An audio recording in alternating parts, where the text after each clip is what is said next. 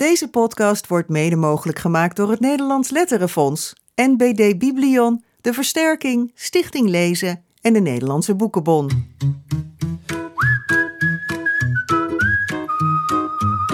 Dit is de grote vriendelijke podcast met Jaap Frieso en Bas Maliepaard. Nou, we hebben een ongekend stormachtige week eh, achter de rug in kinderboekenland. Of eigenlijk ver daarbuiten zelfs, ja. Ja, ja nee, het is eh, ongelooflijk eigenlijk. Hè? Dit kennen we eigenlijk niet eh, Wat zo op deze. Nee. manier. Nee, eh, we hebben het over Pim Lammers natuurlijk. We gaan er nu niet uitgebreid over praten. Maar het is ook gek om er helemaal niks over te zeggen. Maar Pim Lammers is natuurlijk nou ja, met de dood bedreigd. En heeft zich daarom teruggetrokken als maker van het kinderboekenweek gedicht van dit jaar. Ja, En dat bracht een enorme dynamiek ja. op gang. Zeg dat, ja. Ja. We zijn er allebei eh, best door aangeslagen Ja, het heeft mij erg eh, bezig gehouden. Jou ook, hè? Zeker, Ja, ik, ik week, denk dat, eh, ik, eh, nou ja, dat er weinig over deze kwestie is dat, dat me is ontgaan.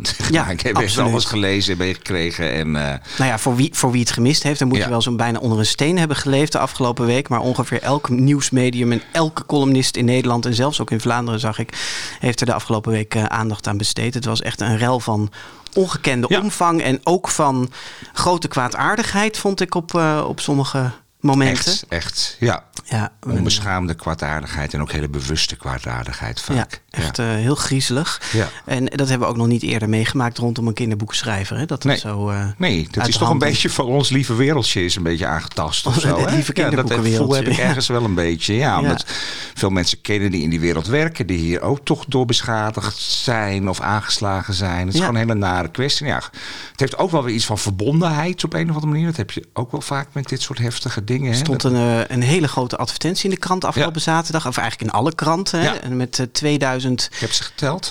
Nou ja, dat, dat zeiden ze dat het er 2000 waren. Ik heb ze niet Ja. geteld. Nee, Eh, maar dat, dat is heel fijn. Ja, er is gewoon ook heel veel steun en, en samen. waren 2000 schrijvers, uitgevers, vertalers, andere mensen uit boekenvak. Die, eh, zeiden hun van, steun eh, hebben betuigd aan Wij aan laten Pim dit Lammers. niet gebeuren. En wij staan achter Pim Lammers en wij staan achter de vrijheid van het recht om dingen te schrijven. Ja, Ja, ja. nou, misschien ja, komen we er nog eens op terug over hoe dit allemaal zo is geweest. Maar voor nu eh, is het, we wensen natuurlijk Pim en alle betrokkenen Heel veel heel sterkte sterkte. toe, Ja. Ja. absoluut. En dan eh, gaan we nu eh, ja, gewoon over naar, een, gesprek. eh, ja, naar want een we gaan over iets heel anders praten. Ja. Ja. Ehm, Wie hebben we aan tafel? Wie hebben we aan tafel? Ja, Ja. dat, ik moet even schakelen. Ja. Ja. Wij lazen een, een, een ijzersterke autobiografische young adult roman die in november al verscheen. En waar wij meteen alles Is over wilden. verschenen? Ja, volgens mij Oh, wel. ja? Oh, oké. Er wordt Ja. hier geknipt, geknikt ja, naast ja. ons. Nee, ja, dus dat verschijnt in januari en februari nooit zoveel. Nee, precies. Dus, ja. deze lag er nog. Ja. Maar geluk dat we hem nog hebben gelezen. Zullen we maar zeggen, niet in november hebben laten liggen. Maar eh, die roman die heet eh, KID of KID. Je kunt het op twee manieren uitspreken. Die verscheen dus eind november. En ehm, ja, we willen daar alles over weten. De schrijver zit daarom hier bij ons aan tafel. Welkom Jelmer Soes. Dankjewel. Jammer. Ja. Hoe spreek je het zelf uit, die titel?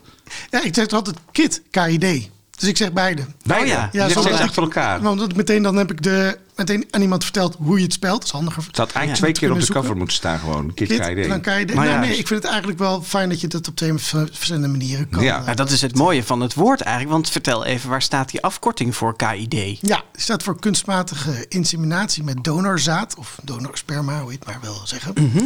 Eh, en dat heeft alles te maken met waar dit boek over gaat. Ja, Ja. want dat eh, gaat over Sam, de hoofdpersoon. Die krijgt eh, op zijn zeventiende te horen dat zijn vader, die hem heeft opgevoed, niet zijn biologische vader is. Maar dat hij afstamt van een eh, anonieme donor. En we zeiden het net al, het is een autobiografische young adult roman. En eh, dat heeft met dit aspect te maken, want dat heb jij zelf ook meegemaakt. Hè?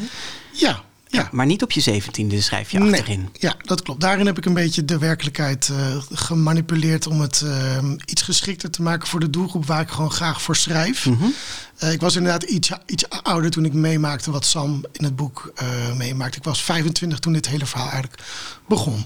Ja. En eh, maar dat de, verhaal. basis, de basis is jouw verhaal voor dit boek. Ja, het is goed Ja. dat je zegt, ja, de, de basis. Dus ik heb wel, wel eh, fictie van gemaakt. Het is geen letterlijk waar gebeurd verhaal, maar eigenlijk heel veel belangrijke kernelementen die erin zitten, Ja. zijn wel zo. eh, En het, en het basisverhaal is dus dat jij op je 25ste ook van jouw ouders te horen kreeg.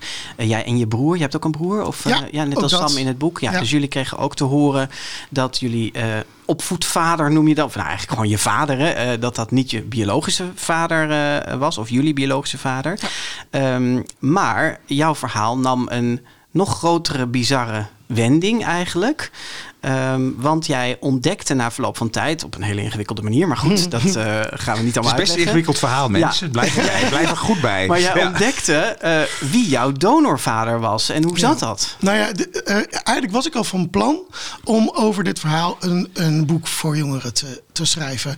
Ehm, en Toen voor- je wist dat je een donorvader Ja, was. en ik wil dat boek eigenlijk laten gaan over iemand die dus doorkrijgt dat zijn eh, vader niet zijn, zijn biologische vader is. En, en, en daar eigenlijk mee worstelt met het feit dat hij geen aanknopingspunten heeft. Ja. Geen, dat er een deur dicht zit. Ja. Eh, en eigenlijk er geen deur is überhaupt. Want er is geen manier om een andere... Nou, dat is iets waar heel veel donorkinderen in Nederland tegenaan lopen. Daar wilde ik eigenlijk over schrijven. Ja. Toen was er een deur. Nou ja, ja om, voor de researchfase van mijn boek dacht ik, maar dan moet ik in ieder geval ook, want wat veel donorkinderen doen, is zich ook bij allerlei eh, commerciële DNA-databanken inschrijven. Ik dacht, dat moet ik ook hebben gedaan, want dan kan ik daarover schrijven hoe dat gaat. Dan weet ik hoe dat in zijn werk gaat. Dus ik al die, al die buisjes met spuug vol eh, en naar, naar Amerika sturen.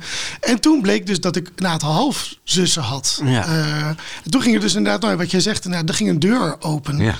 Dat was eerst gewoon dat ik wist dat er een aantal ha- halfzussen en broers waren waar ik aan was gekoppeld, zeg maar.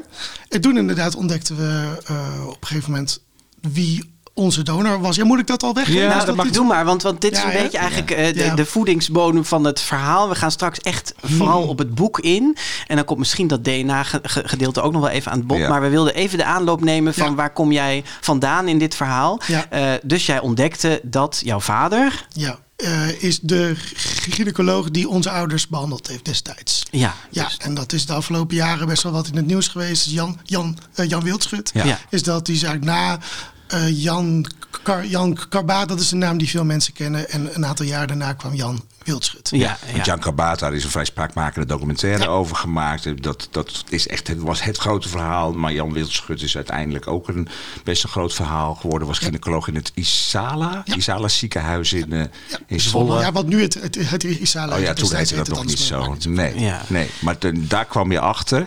En door die deur, dat- er kwamen ook nog steeds meer... Ja, die deur staat nog open, zeg Ja, maar. deur staat Ja. nog steeds open, hè? Er wappert nog steeds van alles binnen. Ja. Want hij, even voor de goede orde, hij gebruikte dus zijn eigen sperma eh, eh, bij ehm, eh, nou ja, het verwekken van ki- kinderen bij stellen die om, om zijn hulp vroegen. Ja. Ehm, eh, maar hij heeft dat ook gedaan bij eh, stellen van wie de vader wel bruikbaar sperma had. Ja. Ehm, en daar heeft hij ook zijn eigen eh, zaad gebruikt. Hè? Ja. Dat is even in het kort, heel in het kort het verhaal. Ja. Ehm, hoeveel kinderen van Jan Wildschut zijn er nu bekend?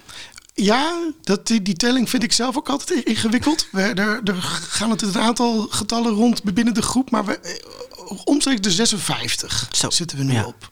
En het kan ook iedere maand, meestal druppelt er wel weer iets bij. eh, of, Zijn er dit jaar alweer bijgekomen? eh, ja, volgens Ja? mij één, één. Eén iemand, ja. Ja. Ja. Maar, want je weet dus eigenlijk niet waar dit ophoudt. Nee, ik, ik moet eerlijk gezegd dat het nooit, op- nooit Nee. ophoudt. Eh, Gewoon de rest van je leven steeds halfboers en valszussen bijkomen. Ja, dat is natuurlijk heel afhankelijk van wanneer iemand weet dat hij donorkind is. Wanneer iemand besluit zelf om, om zijn of haar eh, of, of diens eh, DNA ergens in onder te brengen. En dat er Ja. dan een match Ja, kan plaatsvinden. Ja. ja. Ja, Hey, en eh, met een van jouw halfzussen, ehm daar is eigenlijk ook iets heel moois uit ontstaan, hè, uit deze hele situatie. Heb jij een, een podcast gemaakt? DNA-zaten heet Ja. die podcast. Ehm, even luisteren hoe jullie eh, die introduceren. Ik ben Jelmer. Ik ben Jules. Sinds kort weten we dat we halfzus en broer zijn. We zijn donorkinderen van gynaecoloog Jan Wildschut, die in de jaren 80 en 90 zijn eigen zaad gebruikte bij vruchtbaarheidsbehandelingen. We hebben inmiddels meer dan 50 halfbroers en zussen. Samen stappen we in de auto, op de fiets of in de trein en gaan we op bezoek bij leden van onze nieuwe familie. Sommige kennen we al een beetje, andere zien we voor het eerst in ons leven. Aan hun keukentafels gaan we met hen in gesprek. Wat heeft donorkind zijn voor invloed gehad op je kindertijd? Hoe doe je dat? Opeens deel uitmaken van zo'n enorme groep halfbroers en zussen. Wat betekent het als de maatschappij jouw ontstaan afdoet als een schandaal? En was het dat eigenlijk wel? Ja, want je gaat met je uh, halfzus Jules dus uh, het hele land door. En jullie Ja. gaan ja, halfzus en halfbroers interviewen. Ja. We hebben de podcast allebei levert geluisterd. hè? fascinerende gesprekken eh, Ja. op. Ook Ah, heel, je heel het verscheiden ook. Hè? Bedoel, Ja. Dat vind ik het interessante eraan. Mensen daar heel anders, andere beleving bij, eh, bij hele verschillende Ja, dat is ook wel wat we zochten. We, Ja. we, we wisten al dat er binnen die groep zoveel verschillende geluiden eh, leven. Van, van het he- zien als een verrijking tot heel boos of gekwetst zijn. Of ja, echt be- be- beschadigd zijn. En al die verschillende geluiden wilden we zo graag een keertje Ja. ja. zo genuanceerd mogelijk laten horen. Ja. Nou ja, wie dat allemaal wil horen, gaat de podcastserie Ja, eh, zeker. luisteren. Maar je hebt er ook een boek over eh, geschreven, zoals je net al eh, vertelde. En dat, dat- plan had je dus eigenlijk al voordat je dit allemaal wist. Hè? Ja. Over, ja, want we, je wa- was het meteen eigenlijk toen je jouw eigen verhaal van... Goh, ik, ik heb een donorvader, dat je dacht, hé, hey, Daar zit een boek in. zit een boek in? Ja, eigenlijk wel. Ja, Oh, dat is dan toch, ja, dat is dan toch een beetje schrijver eigen, denk ik. Dat je ook gewoon eh, zit te kijken waar. Materiaal, ja, materiaal, yes! ja, dat denk ik wel een beetje. Ja. Dus, en ook toen dit allemaal zo ontwikkelde, dacht ik wel, ja, dit wordt me nu gewoon in de schoot ge- was bijna een cadeautje. Nou ja, ja, als schrijver, vakmatig, ja, zou ik dat inderdaad zo kunnen zeggen. Kijk, al- als mens is het ook natuurlijk een heel ingewikkelde, zijn het vijf heel ingewikkelde jaren geweest. Maar als schrijver, nou was het ook heel ingewikkeld, omdat aan het einde van het plot verandert het, het, het verandert dat plot voortdurend. Maar je moet ergens een grens trekken. En- Maar nu ga ik dat boek schrijven. Dat Ja. was wel heel ingewikkeld. Maar het zijn ook wel heel veel kansen om daar iets van te maken. Ik zat net wel, je zegt nu vijf ingewikkelde jaren. Ik zat net ook even naar je te kijken. Ik dacht, jeetje, we, we gaan er wel meteen hak zo in, weet je wel, van wie, wie is je Oh, dat, dat doe ik zelf ook. Eh, ja, dat, dat, heb je, dat vind je niet meer moeilijk om daarover te praten? Of heb je Nee. dat misschien nooit Nee, maar moeilijk dan, gevonden? dan Nee, dan had je er ook geen, geen Nee, dat vind ik ook een beetje, Nee, ja. Nou ja, dan Ja. zit je stil thuis achter je bureau en dan kun je het allemaal heel eh, zorgvuldig je ja, maar woord je kan ook in je dagboekjes schrijven. Dat is waar, ja. Ja, als je dit met de wereld wil delen, dan moet je... eh, Nee, ik denk Ja. dat, dat dat ook iets wat bijvoorbeeld uh, Jiel en ik beide wel hebben. Dat we er makkelijk over praten. Ja. En dat ook wel leuk vinden om er met, met men- mensen over in gesprek te gaan. Betekent Dus het ook dat het voor jou niet een soort trauma is of zo? Of een soort iets in die sfeer? ik denk het niet. Nee. Je weet dat natuurlijk nooit zeker. Ehm, tuurlijk is het lastig soms en ingewikkeld. En bijvoorbeeld ook rond het uitkomen van dit boek merkte ik wel... toen het eenmaal er was, er lag... eh, en de eerste weken waren voorbij... dat er opeens wel een intense moeheid over me heen kwam. Mm. Dat ik dacht, oh, het gaat toch ook over mij. En dat Ja. was ik wel misschien de, zeker het afgelopen jaar wel vergeten... omdat ik zo technisch met dat boek bezig was. Ja. Om het af te maken en het goed te maken. En opeens als het er dan is, dan realiseer je...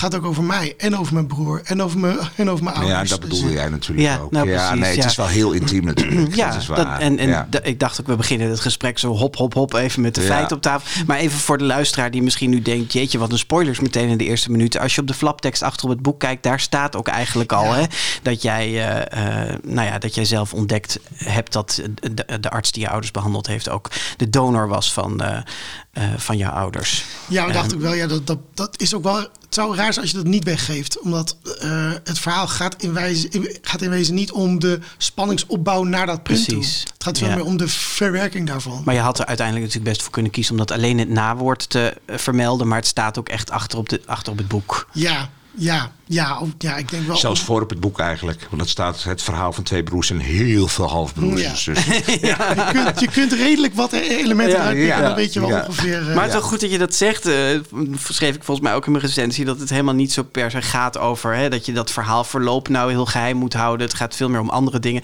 En daar gaan we zo meteen graag met je over verder praten. Maar eerst eh, wil Jaap jou ontzettend graag eens te trappelen om jou nog wat verder te introduceren. Nou, Leuk. Ja, ja, nou, we hebben wel eens langere cv's van schrijvers gehad. Ja, dat is waar. Ja. ja, die, die, die voel ik wel. Ja. Nee, helemaal niet hoor. Dat scheelt niet. Je debuteerde tien jaar geleden namelijk in 2012 met de jeugdroman eh, Risk. En eh, vijf jaar later eh, verscheen jouw bijdrage aan de Slash-reeks van Querido. Hè, van die echt gebeurde verhalen. Zeg maar, de jongerenroman Lichaam van Licht over gameverslaving.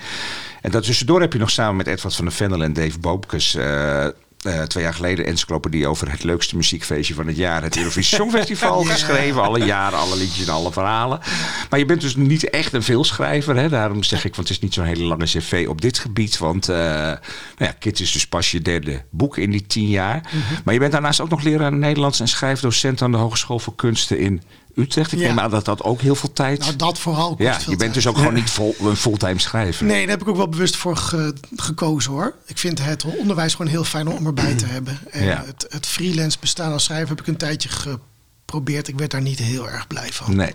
Nee. Maar ben je, ben je ook een langzame schrijver? Want ik kan me voorstellen dat zo'n boek Ja. als dit... Ja, dit, dit vloeit... Ja, misschien wordt het ook bij het soort boeken dat ik schrijf. Ja. Daar, daar gaat gewoon lange tijd, tijd overheen. Ik vind het zelf ook te lang hoor. Ik had het ook graag sneller gewild. Maar Vonden wij ook. ja, Ja, drie en tien jaar is nog niet eens Nee, heel nee, nee, erg nee. weinig. nou ja, daarom dacht ik ook wel, daarom, daarom kwam het uiteindelijk in november uit. Peter ik denk, Buwalda, zeg maar. Ja. Ja. ik denk dat Querido had het misschien het het liefst wel deze maand gewild. Maar ik dacht, nee, ik wil het nog in 2022. Want anders is het precies vijf jaar. Ja, ja, precies, het vorige ja. boek, anders het zes dan wordt het nog langer. dat was het een beetje. Ja, maar je bent schrijfdocent. Jij weet dus heel goed hoe het moet. Nee, ik ben vooral heel goed in mensen supporten die heel goed aanvoelen hoe, hoe, hoe het moet. Is het, is het dan nog extra spannend om zo'n boek uit te geven dat je denkt, oh, dan gaan mijn studenten dat ook allemaal lezen? Ja. En die gaan kijken of ik het wel kan? Ja, ik neem ook in, aan het einde van jaar 1 altijd eh leeslijst tentamens af. Ja. Dus ik ben nu heel, ik ben vreselijk naar het moment dat ze nu allemaal dit boek op die lijst. Allemaal Met jouw mondeling nou. Ik Ja. zou het niet wagen, want jij weet gewoon per definitie veel meer van dit boek dan de student. Ja, ik vind ook misschien ook af wat je vraagt. En we gaan niet bij dit soort tentamens niet vragen wat gebeurt er op pagina 80. Nee, dit nee. gaat weer over wat voel jij zelf bij dat boek. Wat, wat kun je er als collega schrijver mee, zeg maar. Ja. Dus, Maar jij doseert wel studenten over... Toch, hoe, hoe, schrijf je op een goede manier, toch? ja, Er en- zit ook wel een soort van regels of dingen. minder dan je denkt. Ja? Het gaat denk ik veel meer. Het ambacht zit er wel wel een beetje in, maar het gaat veel meer over het, het ontdekken van je stem. En ehm, het helpen vinden van iemands artistieke wil, zeg, zeg maar. Eh, en dat Drive. ik Ja. nou, Ja. ik wilde heel graag horen dat het ook jezelf in de weg zat bij het schrijven. Maar dat is dus eigenlijk helemaal niet. Eh, het feit dat ik daar. eh, Ja, dat je er ook over die- doseert. Ik kan me dan voorstellen dat je denkt van dit moet allemaal zo goed. Want ik... ik Ja, dat is een goede vraag. Ik, ehm, nee, ik, ik denk niet dat dat me dwars heeft. Ik, sterker nog, ik, ik heb zelf ook aan diezelfde opleiding ooit gestudeerd. Dus Ja. ik, ik, ik, ik, ik denk dat ik daar veel heb geleerd over hoe om te gaan met blokkades. En hoe je je, je, je schrijfpro- schrijfproces kan aanpakken. Eh, dus het is voor mij geen, geen magie. Ik denk dat dat juist wel Ja, ja. helpt. Ja. En, en je, je helpt je studenten dus met het vinden van hun stem. Heb jij je stem als schrijver gevonden? Ja. En, en bij dit boek of bij het vorige boek of al, al bij Risk? Nou, Tien jaar geleden? Ehm, dat, nou, inderdaad, dan gaan we wel een tijdje terug. Maar eh, wij, ik kreeg ooit tijdens de opleiding les van Edward van de Vendel. Die gaf eh, je- jeugdpoëzie. Dat was eigenlijk, toen ontdekte ik een, een stem die ik had. Eh, toen ontdekte ik, hey, als ik niet heel veel moeite doe, maar gewoon schrijf wat ik graag wil, dan is dat blijkbaar voor jongeren.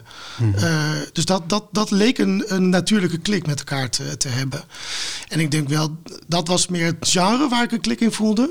Maar met Lichaam van Licht, denk ik, heb ik ontdekt dat ik dit soort boeken heel erg leuk vind. Boeken die heel erg de, de dialoog met de werkelijkheid aangaan. Ja. Ja. Ja, dat, eh, dat, dat tu- eh, wel eh, f- eh, fictie ervan maken. Dat vind ik nog steeds heel erg fijn om dat te kunnen doen. Die vrijheid in dat eigen universum binnen die kaft, zeg maar. Maar geen fantasy schrijven. Nou, dat zal niet mijn sterke kant zijn. Terwijl ik het wel heel erg knap vind als mensen dat kunnen doen. En hele, Ja. hele eh, werelden bouwen en zo. Dat vind ik fantastisch als mensen dat kunnen. Maar dan kijk ik meer vol bewondering naar. En zelf heb ik dat niet. En dan moet ik het echt hebben van eh, de, werk, de werkelijkheid. De, de raakvlakken met Want je stem vinden is dus eigenlijk ook ontdekken waar je, wat heel goed bij jou past. Waar je, en ook een beetje je beperkingen kennen. Dan Ja, oh zeker. Ja. Ja. Nou, mijn beperkingen, die ken ik. wel. nou ja, die beperkingen heb je er niet van weerhouden dit boek te schrijven. Wil je de eerste zin uit dit boek eh Dan begint het gesprek eigenlijk pas echt, Ja. jammer. Oh, jeetje. Ja, nee, dat daarom. was- Dit was allemaal aftrappen, allemaal voorspel. Oké, de eerste zin is ook kort. Die is, dit verhaal begint met twee broers. Ja, Ja. en je zei daar straks al, je hebt zelf ook een broer. Dus eh, eh, je hebt niet alleen je eigen ervaring daarin gestopt, maar ook de ervaring misschien die je met je broer had. Ze heette dus Sam. En de broer eh, van Sam heet Kai in het boek. En eh, je begint het boek eigenlijk bij het gesprek met hoofdletters. eh, dat ze hebben gehad met hun ouders. Daar blikken ze eigenlijk in de eerste hoofdstukken op terug. Ehm, en ja, de, de, de ouders die leiden dat in met. ehm, met het verhaal dat zij geen kinderen konden krijgen. En de vader is aan het woord op dit moment dat we je willen vragen om te beginnen met voorlezen van het eerste voorleesstukje. De gynaecoloog kwam toen met een ander voorstel. Of we wilden proberen om in verwachting te raken met hulp van een donor. Dus dat, nou ja, e- e- even was het stil. Kai zei, dus dat? Dat hebben we gedaan, zei haar moeder. Nou, en zo zijn jullie er gekomen. De twee broers keken elkaar aan. Zoals tekenfilmfiguren hun mond open laten zakken, zo ver ging die van Kai open. Sam hoorde het doffe kloppen van zijn hart in, in zijn slapen. Op de achtergrond klonk hun vader nog. Met een verhaal over dat ze ervan overtuigd waren. tot op de dag van vandaag. dat dat hele biologische verhaal niet uitmaakt. Of je nou van elkaar afstamt of niet. Je bent opgevoed, je deelt je leven met elkaar. Je bent toch familie. Maar die laatste zin kon hij niet afmaken. Want Kai en Sam werden wakker. en riepen nu door elkaar heen: Een donor? Dus papa is niet onze vader? Hebben wij een andere vader? Wie dan? Hoe dan? Maar hun moeder schudde haar hoofd. Dat weten we niet. Ze zei het wel vier, vijf, zes, zeven keer, omdat ze maar bleven vragen. Dat weten we niet. Nee. Dit gesprek heb je dus echt. Hebben jouw ouders echt met jou en je broer. Gevoerd? Ja. Ja, Kun, kun je nog. vrij letterlijk ook. Ja, als je teruggaat naar. Ja, vrij letterlijk. Ja, die, die beginscène was ook de eerste scène mond viel ook open als een tekenfilmfiguurtje. Ja, ja. Ja. En ik weet nog dat, eh, dat, dat ze dus vertelde dat mijn vader eh, niet, niet vr- vr- vruchtbaar was. En dat ik zei, oh, maar heb ik dat dan ook? En toen keek mijn broers naar mij die dacht, dit is echt de domste vraag die ik ooit heb gehoord. Ongeveer. En zo begon het eigenlijk een ja. beetje. Ja. En, en, en als je terug gaat naar dat gevoel, wat gebeurde er meer toen in, jouw in jouw hoofd, in je lijf? In je... Ja, nou, wat, wat natuurlijk meespeelde was dat ik 25 was toen ik het hoorde en mijn broer 27. Ehm, en dat we dus al een, best wel een stuk leven erop hadden zitten. En ook een, een beslissende of een cruciale fase wel je, je, je, je puberteit. Het zoeken naar wie je zelf bent. Ehm, en dat we dit vooral toch vrij belangrijke element van ons leven al die tijd niet hebben geweten. Kon je opnieuw beginnen met die puberteit? Ja, eigenlijk Ja. wel een beetje. Eh, dus die, nou, dat deed ik ook wel een beetje. Dus ik ben die Maar eerste wat, tijd... wat wil je daarmee zeggen? Was je daar verontwaardigd of boos over dan? Ja, dat kwam denk ik langzamerhand. Ja. Dus op dat moment niet. Mijn eerste reactie was... eh, ja, nou ja, dat maakt, dat maakt toch niet uit, pap. Eh, je, bent toch gewoon mijn vader. Ehm, en eh, mijn broer was eigenlijk in eerste instantie veel v- verontwaardigder. Voor mij wat, hè? Hoe heb je dat nou kunnen doen? En langzamerhand switchten wij een beetje van perspectief. Dus hij... Dat kunnen doen, bedoel je het niet vertellen of het... vooral dat. Dat, ja. Ja. Ik kan me voorstellen dat dat ingewikkeld is. Ja, dat is, dat is ingewikkelder. Eh, dan, ja, natuurlijk, eh, het, het feit dat je opeens van iemand anders af blijkt te stammen, dat is iets waar je natuurlijk ook vanaf dat moment heel veel over nadenkt. Maar in dat, dit geval was vooral in eerste instantie.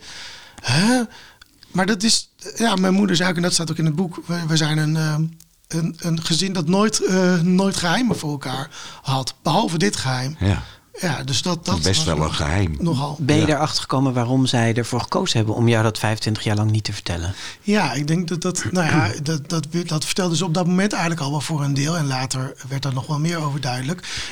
De A was dat eh, de gynaecoloog, de arts, en hij niet alleen, alle gynaecologen in die tijd zeiden altijd tegen hun patiënten: vertel dit je kind niet. Want je maakt het alleen maar ingewikkelder voor het kind. Dat komt er toch nooit achter, want in die tijd was DNA-techniek nog helemaal niet eh, aan de gang. Eh, dus hij zat toch nooit weten. En dan is het handiger om het gewoon niet te vertellen. Dat is A. En B, door de jaren heen veranderde dat denk ik wel een beetje. Dat perspectief in de samenleving. Maar met mijn ouders was nog steeds wel de, de angst. Ik denk wel bij mijn vader ook vooral. De angst dat op het moment dat wij het zouden weten... dat wij eh, hem niet meer als on- onze vader zouden zien. Ja. Ja, en hoe, het is sowieso hoe langer je een geheim bewaart, hoe groter dat geheim en hoe ingewikkelder Hoe wordt om dat te vertellen. Ja, zeker. Ja. En waarom hebben ze dit eigenlijk op dat moment verteld? Mm, op dat moment, eh, vlak daarvoor, was er een verjaardag geweest. Dat is wat ik nog denk te weten. Dat, want dat hebben ze ongeveer verteld. eh, waar een ander familielid hierover aan het nadenken was. ehm, eh, om misschien met behulp van een donor zwanger te worden. Toen had mijn broer iets gezegd in de trant van... joh, maar het maakt er ook helemaal, helemaal niet uit van wie je afstand. Uiteindelijk gaat het toch hoe je bent opgevoed. En dat, En dat was een was kwartje ja. wat viel. Ja. Het, het zal de rest van het gesprek zo gaan dat we een beetje heen en weer switchen tussen het echte leven en, Ja, en, en jouw valt, boek. bedoel, we kunnen eigenlijk, hier valt heel veel over te vragen Is en te waar. vertellen. Maar, Maar je laten hebt we een naar het boek gaan. geschreven. Ja, daar want- zit je hier voor. Ja. Waarom heb je gekozen om er een roman van te maken? Want je had ook je relaas gewoon bijvoorbeeld voor volwassenen als verhalen en non-fictie kunnen opschrijven. Dat gebeurt ook heel vaak. Hè? Ja, het flauw is om te zeggen, omdat ik dit gewoon kan en het andere niet kan. Mhm. Maar vast niet. Nee, maar de- wat ook meespeelde was dat ehm, de, de, de, de doelgroep die dit nog meegemaakt kan hebben. ehm, in 2004 is anoniem donorschap ver- ja, verboden Opgeheven, geworden. Ja, ja. Dat betekent niet dat het ook in de werkelijkheid helemaal niet meer gebeurt, maar niet meer gereguleerd, zeg maar. Ehm, dus ik dacht al, al die tijd, de afgelopen vijf, nou ja, drie, vier jaar in ieder geval, toen ik met het boek echt, echt, echt actief bezig was, eh, dat boek moeten komen, want die doelgroep is nu, nou dat was dus toen 16, die werd 17, werd 18, weet je, dat, dat, dat, dat liep zo een beetje door. En ik dacht, jongeren kunnen dit nog meegemaakt hebben. En het, het, het is ook zo. Eh, het heeft zoveel raakvlakken met een cruciale fase van je leven waar je in zit. In die tienerleeftijd. Daar schrijf ik gewoon al graag voor. Eh, en het had gewoon heel veel raakvlakken met het zoeken naar je, je, je identiteit. Ja. En, eh, Het is wat dat betreft een, een klassieke coming-of-age roman op een bepaalde manier. Ja. Alleen Ja. dan met een heel bijzonder, hè, Ja. uniek verhaal erin Ja. eigenlijk. Ja. Ja, wie je bent, waar je vandaan komt, dat is heel cruciaal in die leeftijd. En dat ligt ineens redelijk overhoop eigenlijk. Had de keuze ook te maken met het feit dat het niet alleen jouw verhaal is, maar ook dat van jouw ouders, van je broer, van je hals- halfbroers en halfzussen? Dat al, als je er fictie van maakt, dat, dat, dat je ook iets meer vrijheid jezelf toe kan eigenen? Ja, en, en ook dat het voor eh, betrokkenen ook misschien iets minder spannend kan worden. Ja. Ehm, alsnog is het voor heel veel mensen heel spannend geweest dat dit boek er kwam. Maar in de fase naar de, naar de eindvorm toe heb ik wel heel vaak ook een heel aantal betrokkenen de versies laten lezen en gevraagd: kun je hierin vinden? Is dit, is dit, is dit oké voor je? Oh, dat lijkt me ook heel spannend, want dan, dan laat je je in die zin ook beïnvloeden en misschien wel beperken door je, door je omgeving in Ja, dat wat je... vond ik ook heel spannend, omdat ik tegelijkertijd altijd aangaf: ik ga het gesprek aan, maar ik beloof niet dat ik alles verander. Want er zitten zeker elementen in het boek eh, die ik er echt per se zo in wilde laten, terwijl ik wist dat dat ook gevoelig zou kunnen zijn. Ja, want als je het leest, even voor de luisteraar, het is best een ingewikkeld boek in die zin dat het is fictie, maar er zitten ook best heel veel non-fictie in. Want het vertelt eigenlijk ook dat verhaal over hoe dat allemaal gaat in Nederland, hoe dat bij jullie gaat. Hè. Het is een waar gebeurd verhaal in grote lijnen. Ja. Dus ik kan me voorstellen dat die, die grens, dat dat voortdurend... Ja, en ik, maar ik had het wel nodig om de fictie in te kunnen. Eh, om het draaglijk voor mezelf en draaglijk voor betrokkenen Heb, heb je bewust belangrijke verschillen ingebouwd tussen Sam en jou bijvoorbeeld, om, om het van je af te duwen, dit verhaal? Eh, ja, Kun je die benoemen? Sam is wat meer een binnenvetter. Dat ben ik niet. Helemaal niet. Eh, ik herken mij denk ik meer in Kai, wat, dat betreft. De broer van Sam, ja. Ja, sorry. Ja. En dat had ik nodig omdat ehm, daardoor de zoektocht van Sam iets eh, logischer opgebouwd wordt, denk ik. Eh, dus dat had ik denk ik nodig. Oeh, verder vind ik het even lastig. Sam houdt heel erg van voetbal. Ja, maar daar, daar hou ik ook van. Ja, dat klopt wel. Hij houdt niet van het Songfestival, tenminste, dat staat ergens. Nee, dat is, dat, die kon ik er niet in kwijt. nee, Sorry. nee. Dat is wel jammer. Maar je hebt dus wel elementen van jezelf ook weer gebruikt. Want voetbal had helemaal niet gehoeven. Nee, maar dat moet ook. Ik kan niet echt boeken schrijven zonder dat er altijd ook wel heel veel elementen van mezelf in zitten. Ja. Nee, ja. Dus hij is deels jouw karakter. En, maar dat vooral dat binnenvetter. ja, dat hij echt langere tijd over moet doen om woorden te vinden. Dat. Ja. En dat Ja. heb ik natuurlijk niet zozeer, want dat, daar ben ik al zo lang mee bezig met woorden vinden voor, voor wat je voelt. En Sam is geen schrijver wat dat betreft. Nee, nee. En dat wilde ik ook echt niet. Had je nou uiteindelijk, als je het zo eenmaal terugkijkt, had je voordeel van het feit dat je alles zelf hebt meegemaakt? Of was het ook een hindernis op bepaalde momenten? Ja, ik is een heel flauw antwoord, maar beide. Nee, nou mag. Ja, eh, het voordeel denk ik is dat ik door de jaren heen heel goed ben gaan inzien wat de cruciale vragen zijn die spelen bij mensen die dit meemaken of meegemaakt hebben. En die vragen heb ik geprobeerd zoveel mogelijk in het boek te verwerken. Eh, Van naar jezelf kijken in de spiegel en denken wie zie ik nou, eh, nou eigenlijk. Tot aan eh, naar de vraag wie is je vader nou, wat is daar nou belangrijk. Dat zijn van die vragen die zo, zo cruciaal zijn. En eh, het heeft me ook belemmerd, denk ik, omdat het zo ingewikkeld was om iets nog eh, volgbaar te maken voor iemand die dit niet zelf meegemaakt Ja. heeft. Dus ik moest zo iedere keer weer bedenken. Je weet er eigenlijk te veel van. Nou, misschien wel. Ja. Ja, ja. En was het dan eh, jouw redacteur die soms zei: Ik volg dit niet meer? Of was je Ja. wel nog in staat om dat zelf te. Eh, Nee, mijn, mijn redacteur inderdaad, die kon het heel goed. En eh, die kon ook altijd heel goed aangeven wanneer iets te, te- te- te- eh, therapeutisch werd. Dick Zweekhorst van Querido, Ja. jouw redacteur, ja. Ehm, therapeutisch? Ja, eh, therapeutisch als in dat ik, dat ik ga... Daar heb ik namelijk de neiging toe om heel erg...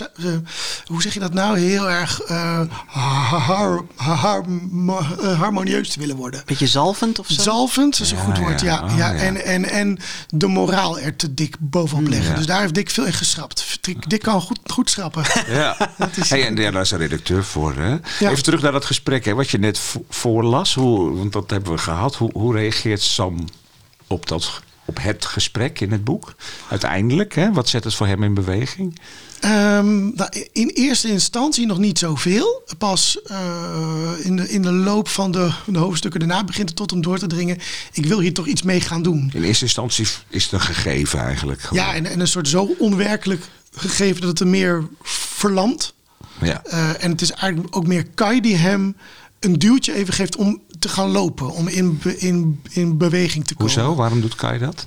Ehm, omdat Kai, en dat herken ik dan een beetje in mezelf, meer die vragen eh, bij, bij zichzelf heeft. hey, waar kom ik dan vandaan? Of wat, wat is dan mijn, mijn achtergrond? Hoe komen bepaalde, bepaalde aspecten van mij, hoe komen die? Hoe Ja. zijn die ontstaan? Dus die vragen leven meer bij Kai en eh, die gebruikt hij eigenlijk om Sam een beetje in beweging te zetten. Want een ingewikkeld aspect is ook meteen dat die verhouding tussen die broers natuurlijk, die weten helemaal niet meer of ze volle broers zijn. Of dat, is, dat was bij jou dus ook zo. Ja, Ja. en ik weet niet, dat moet ieder voor zich dan weten hoe dat in het boek, hoe je dat, dat, hij, dat hij interpreteert. Maar bij mijn broer en mij, ik noem hem ook mijn broer, eh, eh, was dat juist een verademing. Toen we wisten, oh, maar we zijn halfbroers. Dus daarom lijken we in zoveel aspecten helemaal niet op elkaar. En tot die tijd was dat zo'n ook frustratie soms of een zoektocht. Hoe kan het nou toch dat we dan zo... En nu deelden we dat verhaal en we deelden ehm, eh, ja, de wetenschap dat je ook niet alles hoeft te verwachten. Ja, Ah, zoiets. dus dat was echt een opluchting een beetje. Ja, ja. Nou ja, je zegt dat moet iedereen voor zich interpreteren. Maar dat, dat is toch wel vrij duidelijk in het boek hoe dat zit. Ook tussen Sam en Kai. Dat, dat staat er ook met zoveel woorden. Van ze deelden zo weinig tot Oh ja, nu toe. ja, het staat Ja, het wel. staat er. Dat heeft Dick niet geschrapt. er staat gewoon dat, dat ze heel veel deel, of eigenlijk nooit wat deelden. Maar nu hadden ze opeens iets gemeenschappelijks. Hè? Ja. Ja. Eh, hoe, hoe heb je die verschillen tussen Kai en Sam in het boek aangezet? Beschrijf ze eens even. Wat, eh, je hebt net Sam al een beetje beschreven. Een voetballer, een binnenvetter. Ja. Hoe is Kam, eh, Kai daar tegenover? Kai is echt een eh, kleurrijke vogel. eh, en een eh, gevoelsmens die ehm, eh, zijn hart niet... eh, hoe zeg je dat? Hart niet onder stoelen of banken steekt. Ja, zo. Ehm, eh, en, en, en die een heel rijk leven al om zich heen Het heeft. praktisch verschil is ook nog wel dat Sam woont nog thuis Ja. met zijn ouders en Kai is uit huis. Ja. Hè? Dus die is het. Ja, Die ja, woont op kamers. Ja. Heeft al een relatie. ja, Ja. Ja. Ehm, en ehm, ik denk dat Kai ehm, weer samen met zijn, met, met zijn vriend, eh, met wie die inderdaad eh, nou ja, half samen woont zo ongeveer, daar eh, al veel kwijt kan. Ehm, en zo iets makkelijker en iets sneller zijn gevoel al aan het ontwikkelen is en daar woorden voor weet te vinden.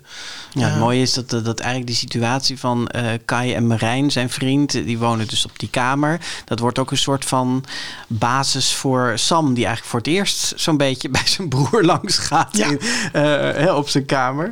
Ja, eh, ehm, eh, na dat gesprek, dat zei je net al, hebben ze nou, tenminste eerst Kai, maar vervolgens ook Sam, hebben ze allebei de behoefte om eigenlijk te gaan, ja, om meer over een achtergrond te weten te komen. Hè? Is, dat, is dat voor de meeste donorkinderen zo? Als je dat, dat bericht krijgt, wat is jouw ervaring daarin? Wil je dan weten hoe het zit, van de hoed en de rand, zeg maar? Nou, kijk, wat het lastige natuurlijk is, de, de donorkinderen die ik spreek, die, die spreek ik omdat ze die vragen hadden. Ja. Ja, dus het, is lastige is, ik weet niet hoeveel, wij weten sowieso, eh, 1 op de 10 uh, donorkinderen in Nederland ongeveer weet dat die donorkind is. Ja. De rest weet het niet Nee. eens. En van die 1 op de 10, ik weet niet hoe groot het, het, het, het, het aantal mensen is dat helemaal geen vraag heeft. Denken, oké, ik weet dit, maar ik hoef er verder niks mee.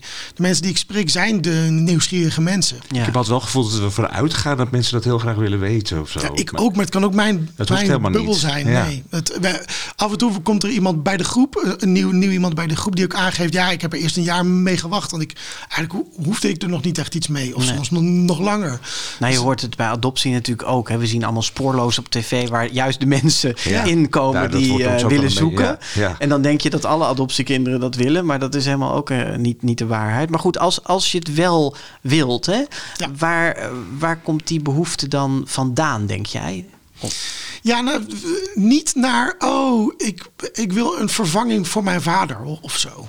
Dat is het bijna nooit. Eh, het is veel meer, ehm, ik, ik, ik, ik vraag me af hoe bepaalde eh, eigenschappen van mij eigenlijk, al- eigenlijk, eigenlijk al ontwikkeld zijn. Ehm, en ehm, ik, ik weet dit, dat ik, dat ik donorkind ben. Hoe kan ik dat verhaal delen met, met, andere mensen eh, die dit ook meegemaakt hebben? Vaak een beetje die, Ja. die, die aspecten spelen mee. In het stukje wat je net voorlas, zegt de vader van Sam of zijn moeder, weet ik even niet, een van de twee, die zegt van ja, de biologische verwantschap, dat is eigenlijk niet belangrijk. Daar komt het op neer. Hè? Van we zijn toch met elkaar opgegroeid. En eh, Ja. eh, heeft hij daar dan ongelijk in? Ja, ik heb over helemaal niet zo heel veel dingen in mijn leven als mijn heel uitgesproken mening. Maar hier heb ik wel door de jaren heen wel een, een uitgesproken mening in gekregen. Dat, ja, Say it, don't spray Die it. is- Ja, die is dat dat een, een cruciaal element uitmaakt van wie je bent. Eh, en ehm, mensen die aangeven, joh, DNA, dat maakt niks uit. Eh, het gaat alleen maar om hoe je bent, bent, op- bent, hoe je bent opgevoed, alleen maar het sociale aspect. Ja, inmiddels hebben we wel zoveel eh, verhalen hierover kunnen horen en kunnen zien. eh, dat je dat niet meer, Nee. volgens mij, met, met droge ogen kan zeggen. Maar betekent dat dan ook meteen dat je alles moet weten? Nee, dat is helemaal niet. Nee. Nee. Ik wil ook helemaal niet zeggen dat alles, alles be- bepalend is. Helemaal niet. Nee. Maar het is wel iets wat net iets extra's aan je kan geven over kennis over jezelf. Ja. Maar wat is, dan, wat is dan zeg maar het element wat je, in jouw geval, laten we dat dan even persoonlijk maken, wat je wel moest weten? Wat zeg maar een bepaalde urgentie had van dat, dat is een stukje wat ik echt moet weten. Ehm, nou, misschien was dat dus mm, meer eh, het besef dat, ehm, dat ik dus niet volledig eh, verwant ben aan mijn broer en niet volledig eh, afstam van mijn, van, van, van mijn ouders. En op zich gaat het niet eens zo heel veel om wat dat andere verhaal dan was. Wie die man dan was van wie ik wel afstamde. Maar meer dat idee ehm, dat je dat weet, kan ook een soort ontspanning geven van oké, dus ik, ik, ik hoef ook niet mijn hele levensverhaal hier aan op te hangen. Het is een beetje Maar een was moeilijk dat, antwoord. was, ik. nou, ik snap het ergens wel. Want het is ook een beetje raar te zeggen. Maar ik heb zelf wel eens gedacht van... Mijn vader kan helemaal niet mijn vader zijn. Nou, wij lijken zo op elkaar dat het echt niet anders... Nee, dat, is gewoon- echt. Nee, geen DNA-testje voor nodig. Nee, maar dat vers- ik voelde zo op heel veel vlakken gewoon verschillen. Ja. Weet je, en, en was dat voor jou ook een soort. Nou ja, je zegt het, het heeft ontspanning gegeven, maar zat daar, zat daar dan spanning? Mm, Ja en nee. Nee, want ik heb echt best wel veel raakvlakken met mijn vader. Ehm, ehm, maar ik, ik, ik denk dat het wel verhelderend was om te weten eh, waar zij ook al die jaren mee hebben gezeten, waar zij mee Ja, hebben, ja. hebben geworsteld. Het was toch gewoon het eerlijke verhaal wat op tafel kwam. Eindelijk. Het geheim wat weg was. Ja, en ik denk dat dat veel, veel openheid heeft eh, gegeven. En dan even terug naar het boek, want dan gaan we. Nee, hoor, maar het, heeft allemaal met elkaar te maken. Maar in het boek zijn er eigenlijk een paar belangrijke. Nou, er zijn veel belangrijke verhaallijnen. Hè, de, de- na het gesprek wat er allemaal gebeurt. Maar je hangt dat eigenlijk op aan Sam, die eh, heel belangrijk is. Gewoon de relatie met zijn broer. Die speelt eigenlijk door het hele boek heen. En een relatie met zijn. eh, met twee voetbalvrienden is heel belangrijk. Maar die broer nog even. Wat. Ja. eh, hoe heb je dat gebruikt in het verhaal? Want daar gebeurt voortdurend, ze staan er anders in, ze gaan Ja. er anders mee om. Dus ze, ze, ze komen dichter bij elkaar, maar soms ook weer verder van elkaar vandaan. Ja, Sam heeft iets nodig. Sam heeft een drijvende kracht in het boek nodig om zijn zoektocht voort te zetten. Omdat hij zo'n binnenvetter Ja, is. en, en ook wel de neiging heeft om verlamd te zijn en te denken, nou, ik doe wel gewoon, gewoon niks meer, zeg maar. Ja. En hij heeft die drijvende kracht ehm, nodig. En dat heb ik, die heb, die heb ik in Kai gelegd. En ook dat lijkt best wel op de werkelijkheid. Want ook mijn broer is veel meer een doener dan ik. En veel meer een, een aanpakker dan Ja, ik. We gaan dit uitzoeken. Want dat, Ja. dat doet hij, hè? Dus Kai is de katalysator, zeg maar. Hè? Die, Ja. die, die wil echt eh, snel ook, die gaat uitzoeken hoe dat dan zit met DNA-testen. En die overtuigt eigenlijk Sam daarvan om dat ook te gaan doen. Ehm, ja, ze zijn dus benieuwd ook, dat is eigenlijk de aanvangsvraag van of ze dezelfde donor hebben. Hè? Daar, daar komt het eigenlijk op neer. Dat is de, de vraag die ze hebben. Ze denken eigenlijk van niet, maar dat bewijs willen ze wel eens zien.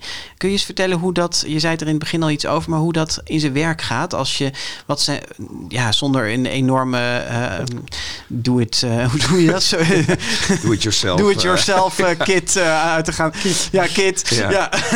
maar wat, wat zijn zeg maar in hoofdlijnen de stappen die je kan nemen om dan eh, dat te onderzoeken? Ja, ook, dat kan best wel kort hoor. Ja, fijn. Eh, je kunt je binnen eh, Nederland inschrijven bij de KID DNA Databank. Mhm. Die wordt door Stichting FIOM beheerd. En dan, dat is gewoon een databank waar zowel voormalige donoren als donorkinderen in zitten. En dan wordt er gekeken of je me- matches met elkaar hebt. Ja. Van origine is wel vaak daar. Oh, dan wordt het toch ingewikkeld. Ik ga het toch Ja. proberen kort te Is wel vaak de, alleen de match donor-donorkind daar heel goed te maken. Ja. Maar niet match zus-broer onderling, die Ja. is lastiger. Daarvoor zijn eh, heel veel commerciële DNA-databanken. Eh, dat zijn gewoon eigenlijk bedrijven aan wie ik ook eh, ja, eigenlijk mijn DNA heb gegeven. Dat is vaak in het buitenland. Ja, het is eigenlijk altijd in de, in de Verenigde Staten veel. En, Soms onderdeel van Google. Ja, inderdaad. Als ik jou nu google, krijg ik ook meteen je DNA-profiel. Dat is wel handig. Dat hoop ik niet dat dat zo is. Ik heb wel gewoon een, een kladblok, kladblokbestandje. Dat is mijn DNA-profiel. Oh, echt? Dat Ja. heb ik. Dat is ook zo raar om dat Ja. eh, te, te Ja, maar er zijn dus commerciële databanken, daar betaal je voor. Ja, daar betaal je voor. En het eh, feit is dat je dan eh, nog wat specifieker informatie krijgt over aan wie je allemaal bent gematcht. Dus dan krijg ik ook achternichten in Canada of zo. Ja. Ja, maar dat kan weer op een spoor zetten van dingen. ja, en, en zeker zet het het vaak op een spoor dat je dus voor het eerst daar vaak voor het eerst een match met een halfbroer of zus kan, kan krijgen. Ja, en dat zijn geen gratis. eh, Jaap zegt net al, daar betaal je voor. De commerciële databanken Ja. zijn niet gratis. En dat eh, triggert dit gesprek tussen de broers. Sam keek Kai aan en begreep al snel waar hij heen wilde. Je wil pap en mam laten betalen. Misschien. Is het zo duur? Een paar honderd euro in totaal. Je hebt toch gewoon een baan? Het gaat er niet om dat ik het niet kan betalen. Het gaat om het principe. Welk principe? Kai maakte een hulpeloos gebaar.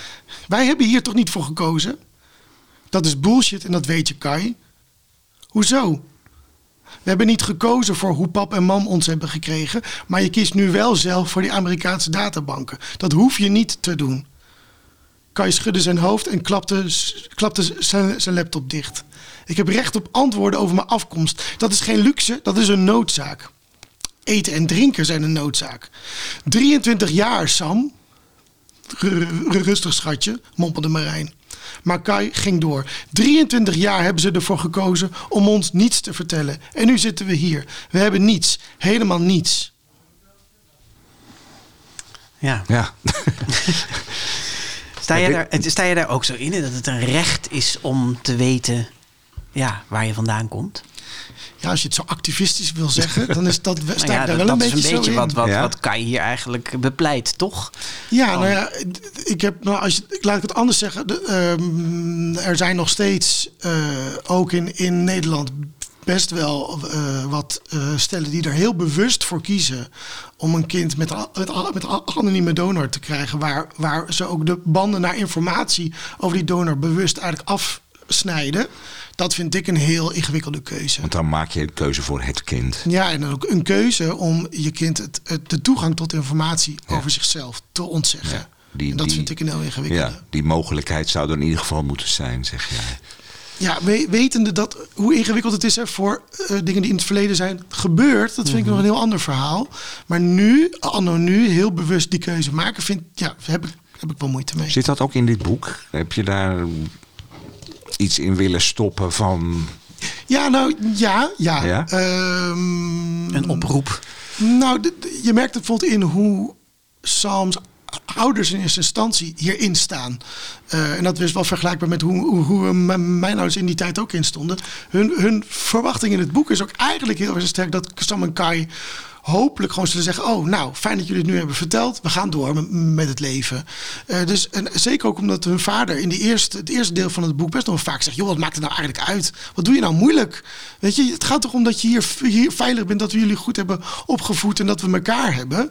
En dat is een heel begrijpelijke primaire, eh, primaire emotie. Maar het gaat wel voorbij aan het feit dat er, dat er uh, wel degelijk gewoon vragen die hierdoor gaan, gaan. Klinkt ook wel een beetje naïef, vind ik. Dat je niet zou denken dat, jou, dat de kinderen toch meer willen weten en op zoek gaan. Ja, maar misschien wel naïviteit die logisch is als je niet deze verhalen weet. Nee. Niet, niet van van weet. En, en hele wenselijke naïviteit, dus ook een soort wensdenken misschien. Ja, en je ziet ook dat gedurende het boek uh, dat, dat, dat heb ik ook bewust zo in willen schrijven. Dat zijn ouders langzamerhand daarin draaien. Ja. Dus die gaan het steeds meer snappen. En uh, met name zijn moeder ook denkt ook echt, ik ga me hier kwaad voor, voor, voor, voor maken. Ze gaan steeds meer meeleven en ook een beetje meehelpen zelf. Zij gaat alle privacy uh, documenten van al die internationale databanken doorspitten om te kijken of waar levert mijn kind zich aan uit. Ja. Ja. en het is wel, wat ik wel mooi vond ook, is dat tegelijkertijd Sam eigenlijk een soort heimwee heeft naar de tijd voordat hij het wist. Ja. He, van hij, er staat ergens van dat hij, uh, ik heb het hier geloof ik opgeschreven. Hij wilde, hij wilde, ja, hij wilde thuis zijn en hij wilde dat alles thuis was zoals het altijd was geweest. Ja, omdat je zo op losse schroeven wordt gezet. Dat heb ik zelf ook wel zo gevoeld. Uh, en helemaal niet meer weet waar je die schroeven weer erin kan, uh, kan draaien. en dat is wel soms een heel machteloos gevoel. Maar dat is iets anders dus dan dat je denkt, had ik het maar nooit geweten? Ja, dat is iets anders inderdaad. Ja, want uiteindelijk ben ik heel blij dat ik het weet. Maar wil dat niet zeggen dat mijn leven er veel makkelijker op is. Eh, nee, maar in hoeverre ben je dan helemaal uit elkaar geschroefd door, door dit? Ja, ja, dat verschilt dus heel erg, denk ik, per persoon. Ja, maar ik vroeg het aan jou nu. Wat ja, maar, uh, ik denk dat het um, voor mij uh, meeviel. Dat het een aantal schroeven waren, zeg maar. Ja. Maar dat er nog wel een paar nog wel in zaten. Uh, dit klinkt heel... Uh, nee, maar goed, ik zie het wel een beetje voor me zo'n Ikea-kastje voor een ja, ja, ja, ja, ja, stellen dat, je echt, dat het ineens een beetje uit elkaar valt. Zo. Dat ja, vind ik niet helemaal uit elkaar. Het is meer dat je, je, je zo'n Ikea-kastje waar je dan, als je een beetje wiebelt, ja. dat je dan denkt, dit zit niet goed vast. Dat zijn mijn Ikea-kastjes. Ja, ja, dit is niet voor mij.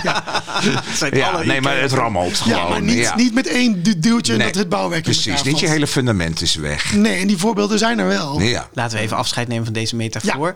Je zit wel weer helemaal vast. Ja, Je zit weer vast. En we merkten het net al toen je even ging uitleggen over die databanken. Er valt echt best wel veel uit te leggen. Eh, KIE, dat is kunstmatige inseminatie met eigen zaad. KID heb je al uitgelegd. DNA-test. En dan komt er ook nog een term als centimorgans. Dat is een bepaalde... Nou ja, dat ga ik niet eens uitleggen. Nee, het klinkt alsof je eh, Star Trek leest precies. eigenlijk. Ja. Je hebt dus best wel veel uit te leggen in een uh, roman over dit onderwerp. Hoe heb je ervoor gezorgd dat het, uh, ja, dat het een roman werd en geen, geen non-fictieboek, om het even zo uit te drukken? Dat er geen infodump werd? Ja, nou door Sam iedere keer te laten benoemen. Want vaak is het Kai die dit soort technische informatie allemaal uiteenzet. Dat Sam een beetje benoemt dat Kai zijn, zijn uh, lerarentoontje weer, weer even opzet. Oh ja. En doordat hij dat benoemt, hoopte ik dat je dat... Oké, dan kan ik dit nu twee, twee alinea's wel aan zeg maar.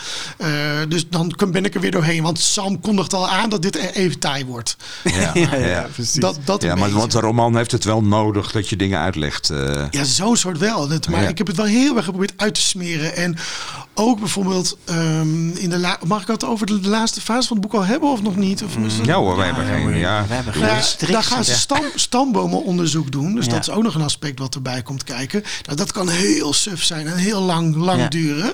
Maar ook daar heb ik wel echt bewust voor gekomen om een soort van, ja, een beetje een halve hoe dan it van te maken. Um, dat is eigenlijk gewoon een verhaaltechniek om het, om het ja, wat vlotter te laten verlopen en je mee te laten lezen. En heel veel van die informa echte informatie heb je ook gewoon lekker geparkeerd in het nawoord. Hè? Dus ja. voor de mensen. Ja, want je hebt echt een uitgebreid nawoord. Dat zat eerst, inderdaad, dat moet ik, moet ik zeggen, dat zat eerst allemaal in, het boek. Echt waar? Ja, ja. Nou, dat is heel goed dat de Dick Zweekhorst dat uitgehaald heeft. Dank je, Dick. ja. Maar uh, je, je doet het ook, uh, daar echt een roman van maken door een wereldje om Sam heen te bouwen. Uh, met vooral twee voetbalvrienden, Q en, en Mo. beschrijf die jongens eens even kort. Eh, Mo is een uh, ontzettend plichtsgetrouwe uh, jongen die er altijd is voor, voor de anderen en voor zijn eigen, voor zijn eigen familie. ontzettend hard werkt, werkt op school. en ondertussen een soort van romantische idee heeft voor hoe zij als vrienden altijd bij elkaar zullen blijven. En Q is een soort losse vlodder die uh, af en toe er is, af en toe onzichtbaar is, uh, die um, een moeilijke thuissituatie heeft. Uh, met een stiefvader die eigenlijk niet voelt als vader. En ook daar heb ik natuurlijk wel een parallel van willen maken. Want ik dacht, ja, daar kan ik wel een verhaal in kwijt over hoe het hoe het is om een vader te hebben die niet die vaderrol speelt. Ja. En hoe het is om een vader te hebben die misschien biologisch niet je vader is, maar wel ontzettend goed die vaderrol speelt. Ja. Uh, zo heb ik ook daar een parallel in willen leggen. Uh, maar dat is een QRMO. En die leven zo door de tijd heen een beetje als soort klankbord met hem mee. Ja, maar dat viel me wel op. Het zijn wel echt goede vrienden. Hè? Ik bedoel, hij vertelt. Ik bedoel, het is echt wel een mooie, mooie vriendschap, vond ik het. Want het zijn voetbalvrienden. Het heeft ook iets en gamen. Het heeft ook wat dat betreft. Het is heel jongensachtig ook ergens. Maar ze delen wel veel, ze spreken wel veel met elkaar. Ja. En ze houden elkaar goed in de gaten. Ja, ik denk ook wel dat dat weer vooral vanuit Mo en Q komt. Ook daarin is Sam dan niet de prater van, de, van, van, de, van de drie. Dus zo, zoals ik misschien vanuit de familiekant Kai nodig had om hem los te, los te wrikken, heb ik daarvoor aan de vriend, vriendkant Mo en Q nodig. Ja, ja, en ik vond er ook wel echt wel hele fijne, onbeholpen jongensgesprekken in zitten. Dat je echt dacht, ja, zeg het nou maar gewoon. Ja, je, ja, Weet je, er zit wel een soort van, uh, ja, ja. ja. jongensachtigheid in hoe ze nou ja, over emoties praten. Ja. Jawel, maar ze zijn, ze zijn er wel echt voor elkaar. Ja, maar dat en ze laten elkaar er soms ook weer niet bij wegkomen. Of hey, vertel nou wat er aan de hand is. Maar ook daarin hebben mijn eigen vrienden wel echt model gestaan. Want ook wij kunnen inderdaad heel ongemakkelijke gesprekken voeren. Maar uiteindelijk zijn we heel benieuwd naar elkaars emoties. Eigenlijk ja. En jij kunt ook niet heel goed voetballen? Of, uh... Nee, klopt. Nee. hey, uh, wat, wat, uh, nou ja, goed, je hebt eigenlijk al een beetje verteld hè, wat jouw eigen verhaal is. Je ontdekt op een gegeven moment dat de gynaecoloog um, jouw biologische vader is. Um, nou ja, dat hebben we ook al gezegd. Dat is, hoeft geen geheim te blijven. Dat Sam dat op zeker moment in het boek ook ontdekt. Um, en gematcht wordt aan verschillende halfzussen in eerste instantie. Wat wel opviel is dat jij uh, Jan Karbaat, de andere arts, over wie ook die spraakmakende documentaire verschenen is, hè, het zaad van Karbaat, waar Jaap het over had, die noem je bij naam. Ja. Uh, maar Jan Wildschut, dus jouw eigen biologische vader, die heb je uh, Jan Wagenaar genoemd. Ja, ingewikkelde keuze. Waarom? Ja. Um, Jan Karbaat heb ik zo ingelaten omdat uh, Sams verhaallijn ook echt verweven is met die werkelijkheid waar hij al over leest en waar hij filmpjes, filmpjes over ziet. En ik heb hem bewust precies in die jaren geplaatst waarin uh, het verhaal rond, Jan, Jan, rond uh, Jan Karbaat langzamerhand be zich begon te ontvouwen. Ja. Um, en ik heb het ook heel bewust gedaan om een uh, contrast neer te zetten. Ja, eigenlijk heel veel rond de zaak Jan Karbaat is helemaal niet vrij gegaan voor geen van de partijen. Dus dat is nee. op, vaak op een heel nare, nare manier. manier ja. En dat is zo, staat zo in schril contrast met hoe warm en met open armen wij door de familie Wildschut zijn, zijn ontvangen. Um, dat contrast wilde ik neerzetten. En misschien heeft dat dus ook wat mee, mee te maken dat ik toch, al weet je natuurlijk dat het gewoon een kunstgreep is. Iedereen snapt over wie het gaat. Sterker nog, het staat ook nog op de kant. Dan staat de naam. Mm, ja, weet ik eigenlijk niet. Nee, de staat, naam. naam staat nee, er niet staat op. Nee, de arts, Iedereen weet het, maar ja. het is in, meer in een het soort... nawoord zeg je het volgens mij. Ja, uh, en het is meer ja. een soort sym symbolisch iets dat ik, dat ik toch um, ook een stap hun kant op wilde doen en het iets wilde verzachten, denk ik. Hmm. Uh, ja.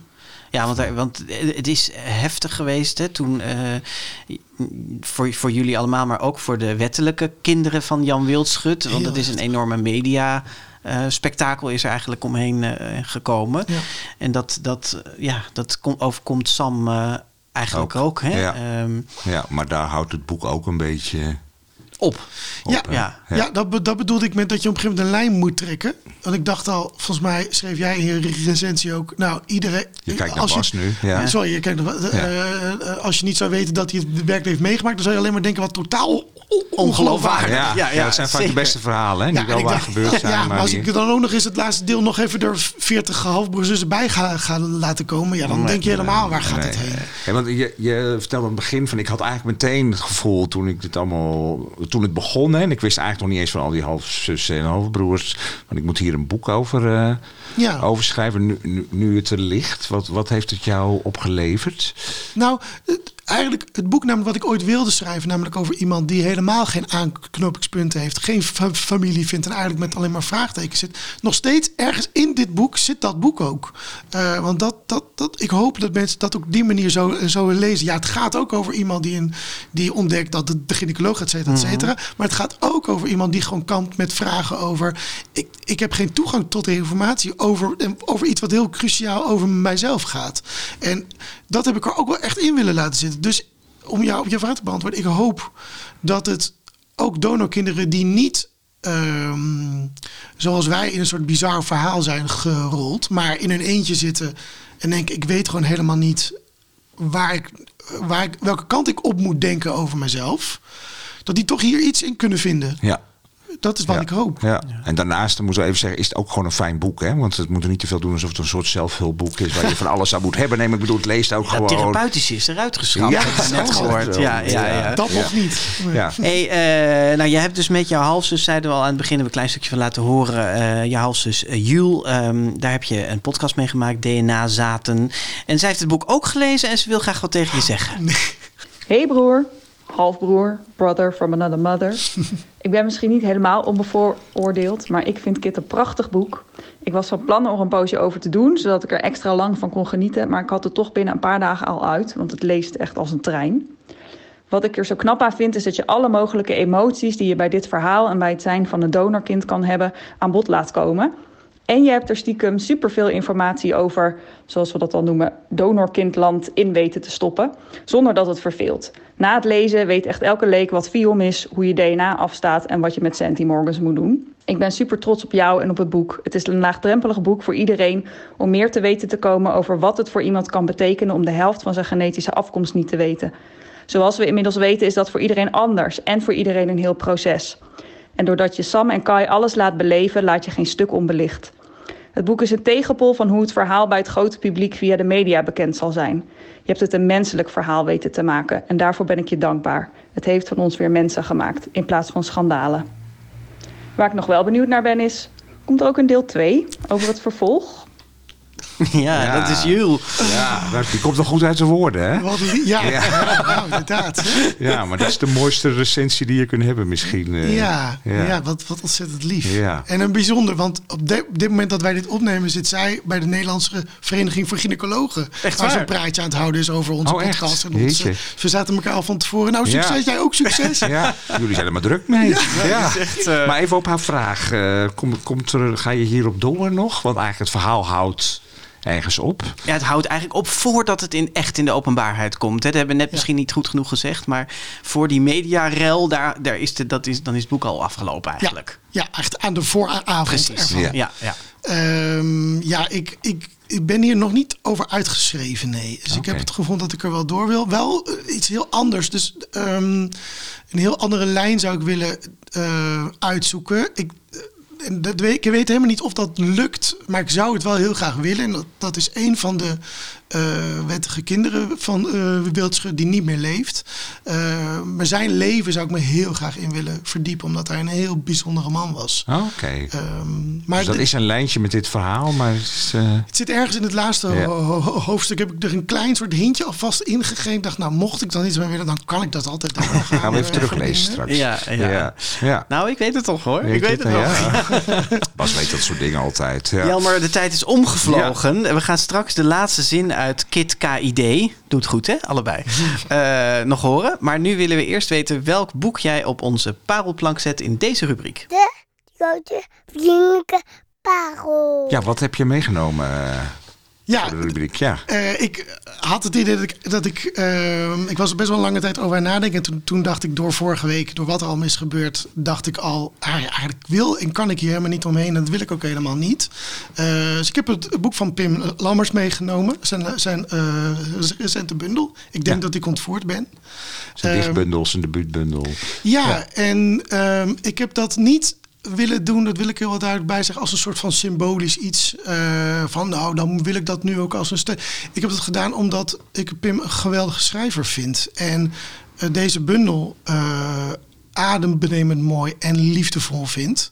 Ehm, Ik en- denk dat ik ontvoerd ben. Wat, wat is het voor bundel? ja, een bundel met eh, kindergedichten, eh, je, je jeugd, jeugdpoëzie.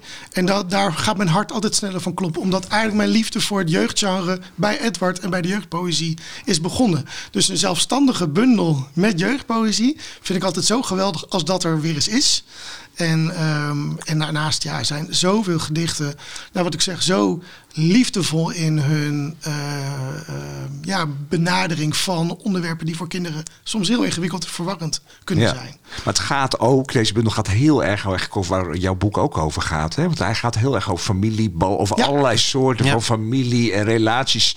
En d- d- dat onderzoekt het min of meer, hoe divers en zo Het dat kan zijn. onderzoekt het en het viert het. Ja. En dat vind ik er zo, oh, zo prachtig Ja. aan. Met eh, hele mooie illustraties ook van eh, Sarah van Dongen. Het eh, boek raakte vorige week eh, eh, door de mediarel onmiddellijk uitverkocht. Eh, omdat er werd opgeroepen om als steunbetuiging eh, zijn boeken te kopen. En inmiddels is de herdruk van 5000 exemplaren door uitgeverij Querido... eh, in, eh, aan de winkels uitgeleverd. Dus Ja. er kan weer volop Ja, nou, en wij zetten het met heel veel liefde op de parelplank. Op de parelplank. Ja. Wil jij, eh, dat is wel een vraag ook altijd die we stellen. Wil jij de laatste zin uit het boek eh, voorlezen? Met liefde. Ja, goed. Ga je gang. Maar nu klonk niet meer het verleden. Alleen nog het nu. Het hier. Op een boot op de Oude Gracht. Waar twee broers samen dansten. Ja. En Ja. waarom die boot in de Oude Gracht vaart, dat moeten, Moeten mensen maar gaan lezen. Ja. Jelmer Soes, dank voor je komst naar eh, kinderboekwinkel Kiekeboek om te praten over Kit KID, uitgegeven dus bij Querido. Wensen jou en je meer dan 50 halfbroers en, en halfzussen het allerbeste. In ieder geval 50 luisteraars. Ik hoop het, ja. Je zet het wel even in de groepsapp, ik. Zeker, zeker. Ja. We eindelijk een keer 50 luisteraars. Ja. het blijft een ongelooflijk verhaal. Maar Nou. mooi dat jij er eh, op deze manier en met je podcast samen met Jules ehm, DNA-zaad een eh, vorm aan hebt kunnen geven. Ja, dankjewel. Dankjewel. En, eh, dit was de 89ste aflevering van de GVP. Geregistreerd zoals altijd door Mark Brouwer. En eh, wij namen het op op maandag 13 februari 2023. Reageren op deze aflevering kan via Instagram, Facebook, op Twitter onder slash de GV podcast. En ook nog heel fijn als je vriend of donateur van de... Vriend of? Nee, vriend en donateur wil worden. staat van er de- ook, ja, vriend dat is en hetzelfde. Ja. ja, maar goed, het is één handeling en dan ben je vriend en donateur. Hoe mooi is dat? Via vriendvandeshow.nl slash de GV podcast. Ja, wij zijn er snel weer en we hopen dat je dan weer luistert. Tot dan. Tot dan.